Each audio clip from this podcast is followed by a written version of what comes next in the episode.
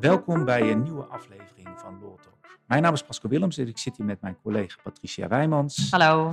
En vandaag, Patricia, gaan we het hebben over de voortgangsbrief uitwerking arbeidsmarktpakket die op 3 april door, uh, door de minister van Sociale Zaken naar de Tweede Kamer is gestuurd, waarin nou, best veel interessants uh, staat, wat in ieder geval de plannen zijn van uh, het kabinet met de arbeidsmarkt.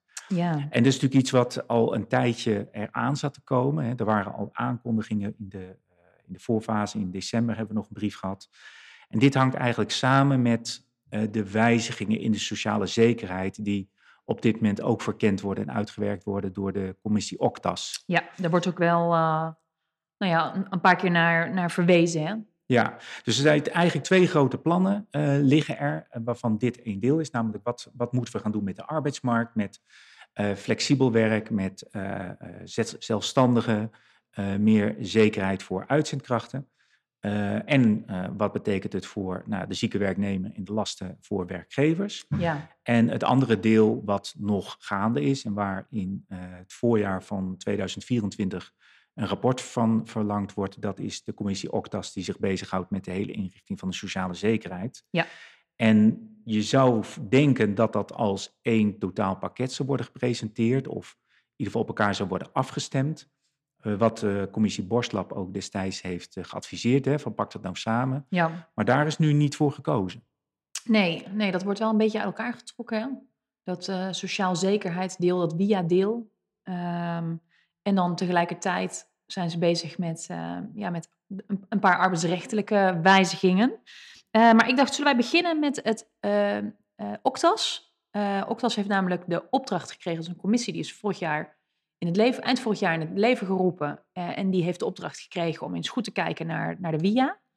Ja, uh, iets breder zelfs nog, hè? de hele sociale zekerheid, ja. waaronder de ja, WIA. Precies, wij focussen uh, vooral op de WIA inderdaad. Ja, maar het gaat dus over de, de goede uitvoerbaarheid van de WIA, maar dat ook meer duidelijkheid en zekerheid komt voor, voor verzekerden. Ja. Um, en die hebben inderdaad die opdracht gekregen, maar die krijgen er steeds meer opdrachtjes bij. Ja, precies. Um, in, in deze brief wordt in ieder geval duidelijk verwezen nog een keer naar, naar dat ze vooral een knelpunt zien met de 35 minners qua, qua via-problematiek. Ja. Uh, maar ze krijgen er nog een extra uh, opdracht bij, namelijk um, het verschil van inzicht tussen verzekeringsartsen en bedrijfsartsen bij de reïntegratiebeoordeling. Ja, bij de RIF-toets. Ja, bij de RIF-toets. Um, dat wetsvoorstel wat, uh, wat minister Van Gennep had ingediend om de visie van de bedrijfsarts leidend te laten zijn bij de RIF-toets, dat wordt waarschijnlijk ingetrokken. Um, en dit wordt als opdracht neergelegd bij Octas om daar eerst eens een advies over te geven. Ja, ze kondigt inderdaad aan dat ze van plan is dat in te trekken. Hè, maar uh, overigens wat we nu gaan bespreken, dat is nog geen wetgeving. Maar dat zijn plannen van het kabinet, waarvan het kabinet zegt dat willen we heel snel met de Tweede Kamer uh, bespreken. Het is wel met de sociale partners al besproken, dus daar zit kennelijk al wat draagvlak. En een van de dingen uh, die voor onze luisteraars met name van belang is, is dat dat wetsvoorstel, dat ze van plan is dat in te trekken. Ja. Ergens is dat niet verbazingwekkend, hè, want vorige week of die week daarvoor uh, kwam al duidelijk in het nieuws dat zowel de vakbonden als de verzekeringsartsen gezamenlijk uh, een, een uh, brief hebben aangeboden aan de Tweede Kamer waarin ze zich verzetten tegen dit wetsvoorstel. Ja, en waar zit, waar zit bij hen de, de pijn, zeg maar, van dit wetsvoorstel? Nou, dat, waar met name begrijp ik, de pijn zit, zit in uh, twee delen. Ik denk dat dat voor de verzekeringsartsen en de bonden misschien op een iets ander uh, nuance ligt, maar het zit hem in uh, de, de bescherming van de werknemer.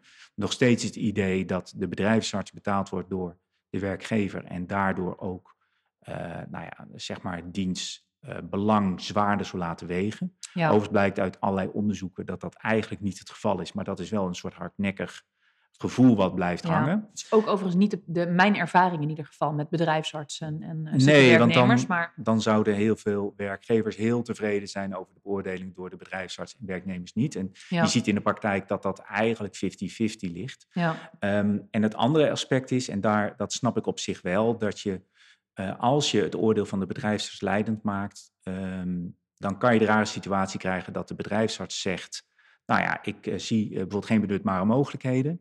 Dus uh, geen reïntegratiemogelijkheden gehad. Nou, dan kan er dus ook geen loonsanctie daarop opgelegd worden, want dat is het uitgangspunt. Ja. Maar dat bij de claimbeoordeling in het kader van de WIA wordt aangenomen dat iemand min 35 is. En dat geeft onzekerheid. Dat is inderdaad een aspect wat, wat erin zit en wat ik ook heel goed uh, snap. Um, en uh, ja, uiteindelijk de reden waarom dit wetsvoorstel ooit is ingediend, althans uh, in behandeling is genomen, lag natuurlijk in uh, het verschil dat tussen bedrijfsartsen en verzekeringsartsen, wat 12% van de loonsancties veroorzaakt. Wat ook niet fijn voelt natuurlijk, dat verschil. Ook voor, met name voor werkgevers. Ja ook wel een klein voordeel, maar misschien een heel belangrijk voordeel is dat je, als je dit wetsvoorstel in zou voeren, dat je minder verzekeringsgeneeskundige uh, beoordelingen nodig hebt. Ja. Um, maar uh, goed onder druk, misschien wel van de bonden, misschien dat dat ook wel meegenomen is in de onderhandelingen over deze Kamerbrief. Hè, dat zou me ook niks verbazen, politiek gezien. Uh, is besloten om dat op het bordje van Octas neer te leggen. Op zichzelf op de lange termijn denk ik dat dat wel terecht is, omdat we nog steeds zitten met een rare uh, knip tussen de beoordeling door bedrijfsartsen en verzekeringsartsen. Een verschillend beoordelingskader, uh, waarbij natuurlijk nu wel geprobeerd wordt om, om dat meer samen te brengen. Maar in de praktijk blijft dat toch wel, uh, wel lastig.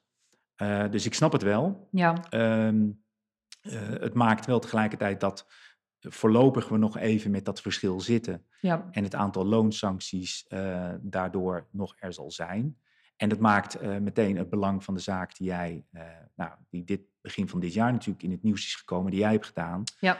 Uh, waarin de rechtbank, welke rechtbank was het ook weer? Dat was rechtbank Amsterdam. Amsterdam, hè? Ja, ja die vond dat, nou ja, dat je iets genuanceerder moet kijken. Dat als de bedrijfsarts het niet eens is geweest met de verzekeringsarts, dat niet per se is dat de verzekeringsarts gelijk heeft. Ja, overigens zag ik wel net nog een, een, andere, een andere uitspraak. Ik weet even niet van welke rechtbank die was uh, voorbij komen waarbij ze wel dat beoordelingskader hebben toegepast, ook in een andere zaak. Dus waarbij de rechter ook wel heeft gekeken, ja, had de werkgever in dit geval aanleiding om uh, nou, te twijfelen aan het, uh, aan het advies van de bedrijfsarts in dit geval. En in dit geval pakte dat uh, voor de werkgever nadelig uit, omdat de werkgever, nou ja, de, de rechter vond dat de werkgever wel wat kritischer had mogen zijn op de bedrijfsarts. Nou ja. Maar dat toetsingskader werd wel toegepast. Dus dat ja, en daar is ging zich, het denk ik uh, een goed teken. En vind, ja. ik een goed, vind ik een goede ontwikkeling in de, in de rechtspraak. Ja, nou ja, dat, dat, ik denk dat dat eigenlijk de juiste nuancering moet zijn. En misschien hebben we dan het hele wetsvoorstel niet nodig als rechters daar kritischer naar kijken. Ja. In plaats van wat de Centrale Raad eigenlijk zei van ja, uh, dat van de bedrijfsarts wordt in jou toegerekend, werkgever. Uh, ja. Dus als verzekeringsarts er anders over denkt, jammer helaas. Ja. Die nuancering zou al een hele hoop schelen. Dat scheelt niet in de verzekeringsgeneeskundige beoordeling, want die moeten plaatsvinden. Nee, precies. Maar wel in het rechtsvaardigheidsgevoel. Maar het wetsvoorstel uh, wordt dus zeer waarschijnlijk uh, ingetrokken. En dus uh, nou ja, zullen we toch nog scherp moeten zijn op zowel wat de bedrijfsarts doet, maar ook de verzekeringsarts ja, doet. Ja, en we weten dus dat er op langere termijn, hè, op het moment dat Octas daar een advies over heeft gegeven, ja, dat er mogelijk dan wel weer ontwikkelingen komen ten aanzien van dat wetsvoorstel. Ja, ja precies. Um, deze Kamerbrief bevat uh, best wel wat uh, plannen die ze hebben. Wij halen er een aantal uit waarvan wij denken dat die belangrijk zijn voor onze luisteraars. Ja. En uh, wat natuurlijk een hele duidelijke is, die van belangrijk is, is dat er eerder, wat er wordt genoemd, duidelijkheid wil worden gegeven over de reintegratieverplichtingen voor kleine en middelgrote werkgevers. Dat zijn werkgevers tot 100 keer het gemiddelde premieloon. Um, maar er wordt vervolgens later, daar gaan we het zo nog over hebben, ook weer een onderscheid gemaakt tussen 0 tot 25 keer en 25 tot 100 keer. Mm -hmm. Maar uh, de, het plan wat er is, is om uh, zeg maar een, ja, ik noem het maar even, nieuw beoordelingsmoment te hebben na een jaar ziekte. Ja. Waarbij uh, dus die kleine en middelgrote werkgevers eerst een overleg met de werknemer, maar als dat niet lukt, um, getoetst door de UWV, uh, het eerste spoor kunnen afsluiten en definitief kunnen overstappen naar het tweede spoor. Ja, precies. Omdat uh, de minister zegt, ja, het is voor werkgevers, vooral voor kleinere werkgevers, toch echt een probleem als je iemand twee jaar ziek hebt, dat je op enig moment wil je op zoek kunnen gaan naar vervanging. Als het er niet naar uitziet dat iemand snel terug zal keren op de werkvloer. En dan moet je door kunnen met je, met je bedrijf. Ja. Dus moet je dan op enig moment door kunnen naar het tweede spoor, zodat je wel die werknemer kunt reïntegreren en wel de werknemer kunt helpen om nou ja, in ieder geval um, uh, zijn, mogelijkheden zo goed mogelijk te, te benutten en ander werk te vinden. Uh, maar tegelijkertijd moet je als werkgever door kunnen met je eigen bedrijf. Ja, maar eh, hoe, hoe kijk jij daarnaar? Is dit in de praktijk echt nou het grootste probleem waar werkgevers tegenaan lopen als het gaat om die twee jaar? Nee, nee dat, dat lijkt mij niet. Nee, Nee. ik vroeg me ook af, ja, weet je, wat gaat dit, wat gaat dit oplossen, heel eerlijk gezegd? Eh, want het is natuurlijk nu al eh, beleid dat je na, na een jaar eh, heb je al een opschutmoment en moet je al met elkaar gaan kijken, nou weet je, wat is de verwachting? Is iemand echt, ehm, nou ja, gaat het heel goed in het eerste spoor en kunnen we dat doorzetten? Maar als dat niet zo is, dan moet je al serieus naar het tweede spoor gaan kijken. En dan moet je dat ook echt gaan inzetten als het niet waarschijnlijk is dat die werknemer op korte termijn terug zal keren. Ja, de, de, de keren dat ik heb meegemaakt dat die medewerker in dat tweede jaar alsnog terugkeerde naar het eigen werk, die zijn er natuurlijk wel. Ja, Maar dan vaak zijn ze al op weg naar terugkeer. En eh, ja, ligt dat voor de hand dat dat straks het einddoel is in het tweede jaar. precies. Maar de keren dat je na het eerste jaar dat er Hm. nog niks mogelijk is en dat er dan ja, in het tweede jaar een soort eh, Jomanda-achtig herstel plaatsvindt waarin iemand toch kan terugkeren, dat is beperkt. En ehm, het zal voor wer- sommige werkgevers misschien wel een, een aandachtspunt zijn, maar in de praktijk merk ik dat haast niet. Nee. Het lijkt mij, het lijkt mij bijna ingegeven vanwege de gedachte dat een werknemer na dat eerste jaar bijna noodgedwongen wordt eh, verplicht om in zijn hoofd al afscheid te nemen van de werkgever. Te Ja. gaan werken aan dat tweede spoor, waardoor er meer druk komt te staan, ook op de werknemer bij dat tweede spoor. Hè? Want eh, terug kan niet meer, dus je moet wel gaan nadenken. En Ja. dat dat tweede spoorjaar daardoor effectief wordt ingezet, omdat anders eh, zou je kunnen zeggen, de medewerker nog te veel blijft hangen in ik ga weer terug naar het eerste spoor. Het lijkt me eerder dat dat Ja, het zou en helpen. Daar zit misschien wel wat in, hè? Ik bedoel, dat, dat kan misschien nog best, eh, nog best helpen. Ja, precies. Maar of, of dit dan uiteindelijk dat grote voordeel heeft, want het wordt wel gepresenteerd als een heel belangrijk voordeel voor de werkgever. Terwijl het tweede jaar moet gewoon nog betaald worden. Precies, je moet ook gewoon een reintegratietraject Spoor 2 inkopen. Dus, en je hebt dan een vervanger die je al wel kunt aannemen. Dus qua kosten gaat het voor een werkgever niet, eh, niet iets opleveren. Ja, precies. En eh, wat, er, wat er staat hè, is dat eh, je mag dan eerst dat met je werknemer eh, afstemmen. Of je het er over Ja. eens bent, zullen we spoor Ja. 1 afsluiten. En zo niet, dan kan dat aan het UWV worden ge- voorgelegd. Moet dat aan het UWV worden voorgelegd, eh, moet het worden getoetst. Ja, Het UWV gaat dat op drie onderdelen toetsen, staat hier. Ten eerste wordt getoetst of de reïntegratie-inspanningen in het eerste jaar voldoende zijn geweest. Dus we krijgen een soort Ja. RIF-toets na één jaar en een Ja. RIF-toets na twee jaar. ja, Ehm, ten tweede wordt getoetst of de werknemer nog steeds ziek is. ja, En tot slot wordt getoetst of te verwachten valt dat de werknemer binnen 13 weken zijn eigen al dan niet aangepaste werk bij de eigen werkgever kan verrichten. Het gaat dus bij om bedongen, bedongen arbeid. Hè. Bij aangepast eigen werk, de bedongen arbeid in aangepaste vorm wordt er gezegd, ja, kan gedacht worden aan aanpassingen ten aanzien van het aantal uren, het werkrooster of de belasting in taken. ja. Wat het bij mij opriep is een paar dingen. Nou, als eerste, met welke verzekeringsartsen gaan ze dat doen? Dat Precies. was wat eerst, mijn eerste gedachte hierbij. Precies, want het tweede onderdeel wat is, eh er wordt getoetst wel of niet ziek. Ja, dat precies. is een medische beoordeling. Ja. Dus ik denk dat ehm eh, ervan uitgaande dat dit wel met UWV besproken is, maar dat eh, de afdeling planning ehm, voor verzekeringsartsen zoiets heeft van, oh jee, wat, wat komt er nu weer op ons af? Ja. Ja. Ehm, en wat ik ook bedacht is, eh, als je dus gaat toetsen of de bedongen arbeid in aangepaste vorm kan worden gedaan, dan ligt de nadruk natuurlijk heel erg daarop.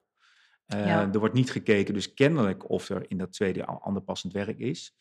Ehm, en dan lijkt het eigenlijk dat pas na het eerste jaar dan echt de focus gaat naar ja, het tweede spoor. ja. Maar er zit een beetje een lacune voor mijn gevoel tussen wat je dan in dat eerste jaar gaat doen, waarbij getoetst wordt, kan je eigen werk doen, maar ander passend werk binnen de eigen organisatie wordt daar niet in meegenomen.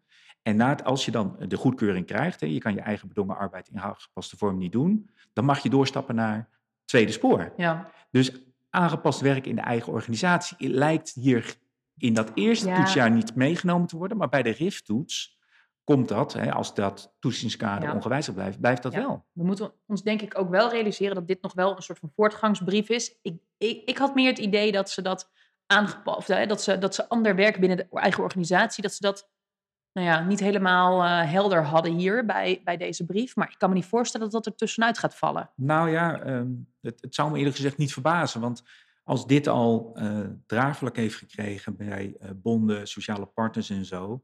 dan, eh, en het zou niet de eerste keer zijn dat wetgeving uh, allerlei lacunes bevat. Ja, dat klopt. Um, maar ik zag je vooral veel meer werk voor uh, nou, werkgevers toch ook. Ja. Hè, arbodiensten, zeker het UWV. Voor ja. ons zeer waarschijnlijk ook, want je krijgt gewoon een extra toetsmoment waar spanning op komt. Hè, want er zitten belangen aan vast. Ja.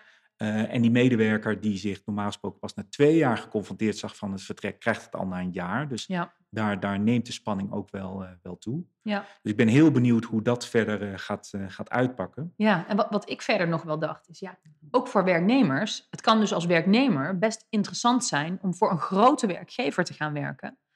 In het kader van zo'n zo'n arbeidsongeschiktheidstraject. Want als jij dus bij een grote werkgever zit, dan blijft je werkgever wel verplicht om gedurende het tweede ziektejaar ook in eerste spoor te reïntegreren. Ja.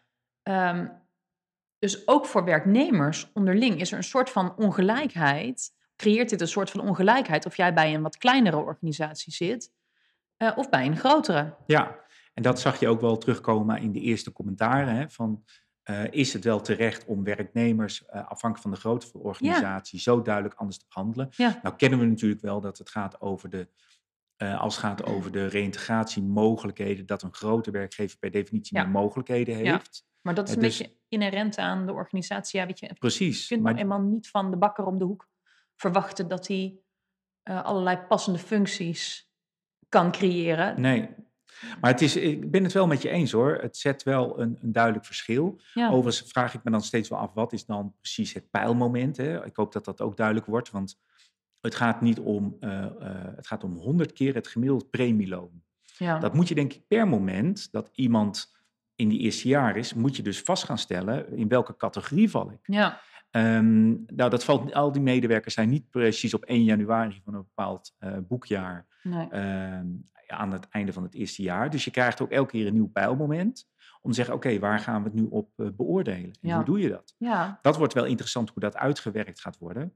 Of Ja. wordt per jaar gewoon gezegd, ja, dit jaar val jij in die categorie Ja. en moet jij dus het zus of zo gaan, eh, gaan doen. ja. Ehm, wat ook wel interessant is in, dat, in die plannen, is dat wat er na het tweede ziektejaar eh, gaat gebeuren. Want dan zie je in één keer dat ze onderscheid gaan maken tussen eh loonsom van 25 keer het gemiddeld premieloon. En ehm, dus 0 tot 25, 25 tot 100 en 100 plus. Mhm. Wat, wat vind jij daarvan? Ja, ik heb die even niet zo helemaal scherp. Nou, wat, wat er gebeurt na het tweede ziektejaar is, eh, er geldt eigenlijk weer gewoon dat werkgever mag toe opzeggen als de medewerker nog ziek is eh, en eh, niet her, hervat heeft, eh, mag toestemmen, met toestemming van het UWV mag, eh, mag opzeggen. Eh, maar er wordt een onderscheid gemaakt tussen eh, kleinere werkgevers, het 0 tot 25, Ja? en 25 tot 100. Kleinere werkgevers kunnen dienstverband met de nou ja, werknemer, of die geheel of gedeeltelijk hersteld is, eh, opzeggen als de aangepaste functie niet meer beschikbaar is of komt binnen eh 13 weken. Mhm. Middelgrote werkgevers, en dat is dus tussen 25 en 100, kunnen het dienstverband opzeggen als de aangepaste functie niet meer beschikbaar is, maar ook geen ander passend werk is binnen 13 weken. Dus daar zie je dat er een duidelijk verschil komt tussen die twee. Ja. En dat betekent, zegt de brief onder meer, dat een werknemer die toch hersteld is in het tweede ziektejaar nog weer terug kan keren als zijn functie nog niet duurzaam is vervuld. Maar dat geldt dus voor die middelgrote werkgevers. Ja. Dus bij die middelgrote werkgevers is het zo dat je na het eerste ziektejaar, als je dan toestemming hebt van het UWV om uh, tweede spoor te gaan doen, Ja. um, en je komt na twee jaar alsnog, Ja, je herstelt toch, die functie is nog niet vervuld, dan kun je nog aanspraak maken op die functie. ja, dan kan je alsnog terugkomen. En dan wordt hier gezet, hè, um, uh, duurzaam is vervuld. En dat wordt heel ja, erg spannend. En, oh joh, ik zie, ik zie hier dus echt alleen maar, ik uh, herinner het me nu inderdaad weer, uh, ik zie hier dus echt alleen maar beren op de weg. Want dan denk ik, dan heeft iemand, een werkgever heeft iemand aangenomen en die heeft iemand bijvoorbeeld een jaarcontract gegeven. Uh, dat gaat supergoed en dan wordt er dus van een werkgever verwacht dat je iemand met een bepaalde tijdcontract, dat je die weer laat gaan om die werknemer weer in staat te stellen om alsnog uh, te reintegreren in zijn eigen functie of zo. Kijk, ergens is dat nu natuurlijk ook al het geval. Alleen de vraag is, wat is dan duurzaam? Hè? Ja. Wordt dat uh, inderdaad een jaarcontract, onbepaalde tijd, twee jaar, drie jaar? Ja. Um, wanneer moet dan dat contract aflopen? Is dat binnen die 13 weken na einde wachttijd of binnen 26 binnen weken? 26 weken. Ja. Ja, ja. En, en dan moet je dus eigenlijk als werkgever, of moet je niet, maar, maar dan zou het dus misschien tactisch handiger zijn als je dan zo'n vacature hebt. Eh, of zo'n plek die je wil opvullen, om iemand meteen een arbeidsovereenkomst voor onbepaalde tijd te geven, omdat je hem dan duurzaam hebt vervuld. Tegelijkertijd heb je als werkgever ook juist wel even de behoefte vaak om, om eerst te kijken of het gewoon, of die samenwerking goed gaat. Ja, precies. En dat wordt uh, denk ik nog wel uh, spannend van hoe daar uh, mee omgegaan wordt. Ja. Kijk, dus op zich, hè, als vanuit de gedachte, nou ja, je wilt na één jaar weten waar je aan toe bent. Als je dat als probleem definieert, is dit nou ja, in ieder geval een begin om daarover na te denken. Tegelijkertijd is de vraag van, creëren we niet nog meer onzekerheid en ja. vragen en werk voor een verhoudingsgewijs klein probleem? Ja, dat denk ik ook. Ja. Dat, ja, ik denk het wel. En helemaal, dan krijg je ook weer juist het onderscheid. Dus dan kun je daar weer discussie over krijgen. Ja, maar ben ik dan een kleine werkgever? Ben ik een middelgrote werkgever? Ja. Wat is daar dan het spelmoment van? Want het bedrijf is enorm gegroeid en uh, er zijn de, afgelopen jaar zoveel werknemers bijgekomen. Dus inmiddels ben, ik ben jij wel een middelgrote werkgever. Ja. Ik zie echt alleen maar, uh, daar, daar zie, dat zou ik persoonlijk niet, uh, niet doen. Ik snap heel goed dat um, een werknemer die herstelt uh, toch graag zijn functie wil behouden. Tegelijkertijd denk ik dat een werkgever die die functie nog niet heeft of die vacature nog niet heeft opgevuld, misschien uit zichzelf ook wel denkt van hé, hey, misschien kun je toch blijven.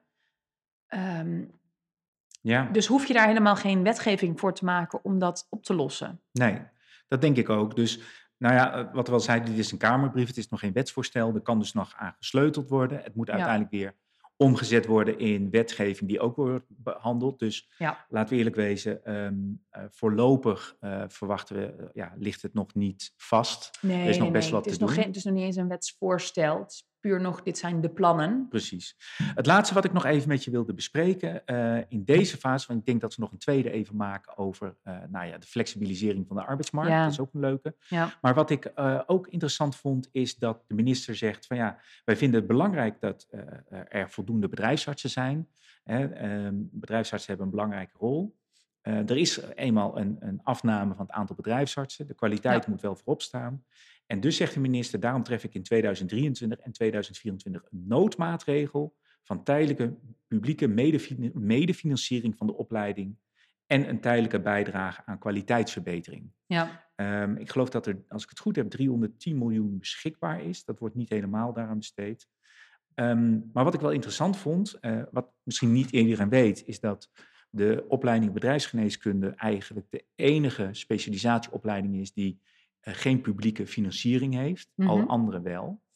Um, dat komt dus van arbeidsdiensten vandaan. Nou, op dit moment weten we, er is zo'n chronisch tekort dat het allemaal wel wordt gefinancierd, maar uh, wel met studiekostenregelingen, waar ook ja. onlangs een procedure over is gevoerd voor bedrijfsartsen, omdat ja, de bedrijfsartsen zijn tegenwoordig net zo gewild als topvoetballers uh, met uh, transferbedragen en het overnemen van studiekostenbedingen.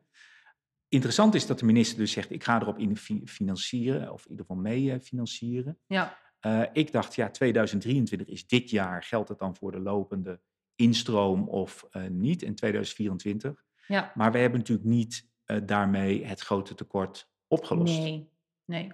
Um, nee dus ik vraag me ook af plaats. of je dit niet veel structureler moet meenemen. Ik, het, het is natuurlijk een mooie geste en ik denk dat het zeker wel helpt. Ook die kwaliteitsverbetering, misschien afstemmen met de verzekeringsartsen. Dat is zeker mooi, maar eigenlijk waar veel meer behoefte aan is, is um, om een, een, structurele financiering en neer te ja. zetten en misschien ook nog, nog meer duiding te geven aan uh, of bedrijfs- en verzekeringsartsen toch niet veel meer één beroepsgroep uh, moeten worden. Uh, ja. In ieder geval de inzet op die kwaliteitstafel die er is hè, over de bedrijfs- en verzekeringsgeneeskunde. en dat overleg dat is, begrijp ik, nog steeds gaande. En dat, nou, dat helpt wel bij het goed afstemmen, um, maar dat moet ja, verder vertaald worden naar de beroep, uh, beroepsafdelingen zelf. Ja. Dus dat is goed dat daar nog op gefinancierd wordt. Maar dit is ergens, voelt dat een beetje als een doekje voor het bloeden. Ja, ja dat was mijn idee ook. Ja.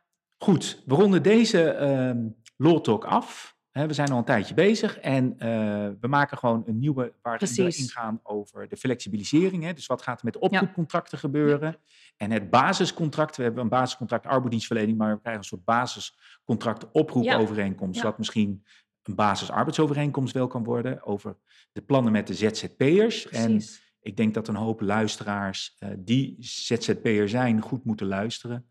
Eh, wat dat eh, voor hun gaat, eh, kan gaan betekenen als die plannen Ja. doorgaan. In ieder geval wil ik jullie bedanken voor het luisteren en graag tot de volgende keer. Tot de volgende keer.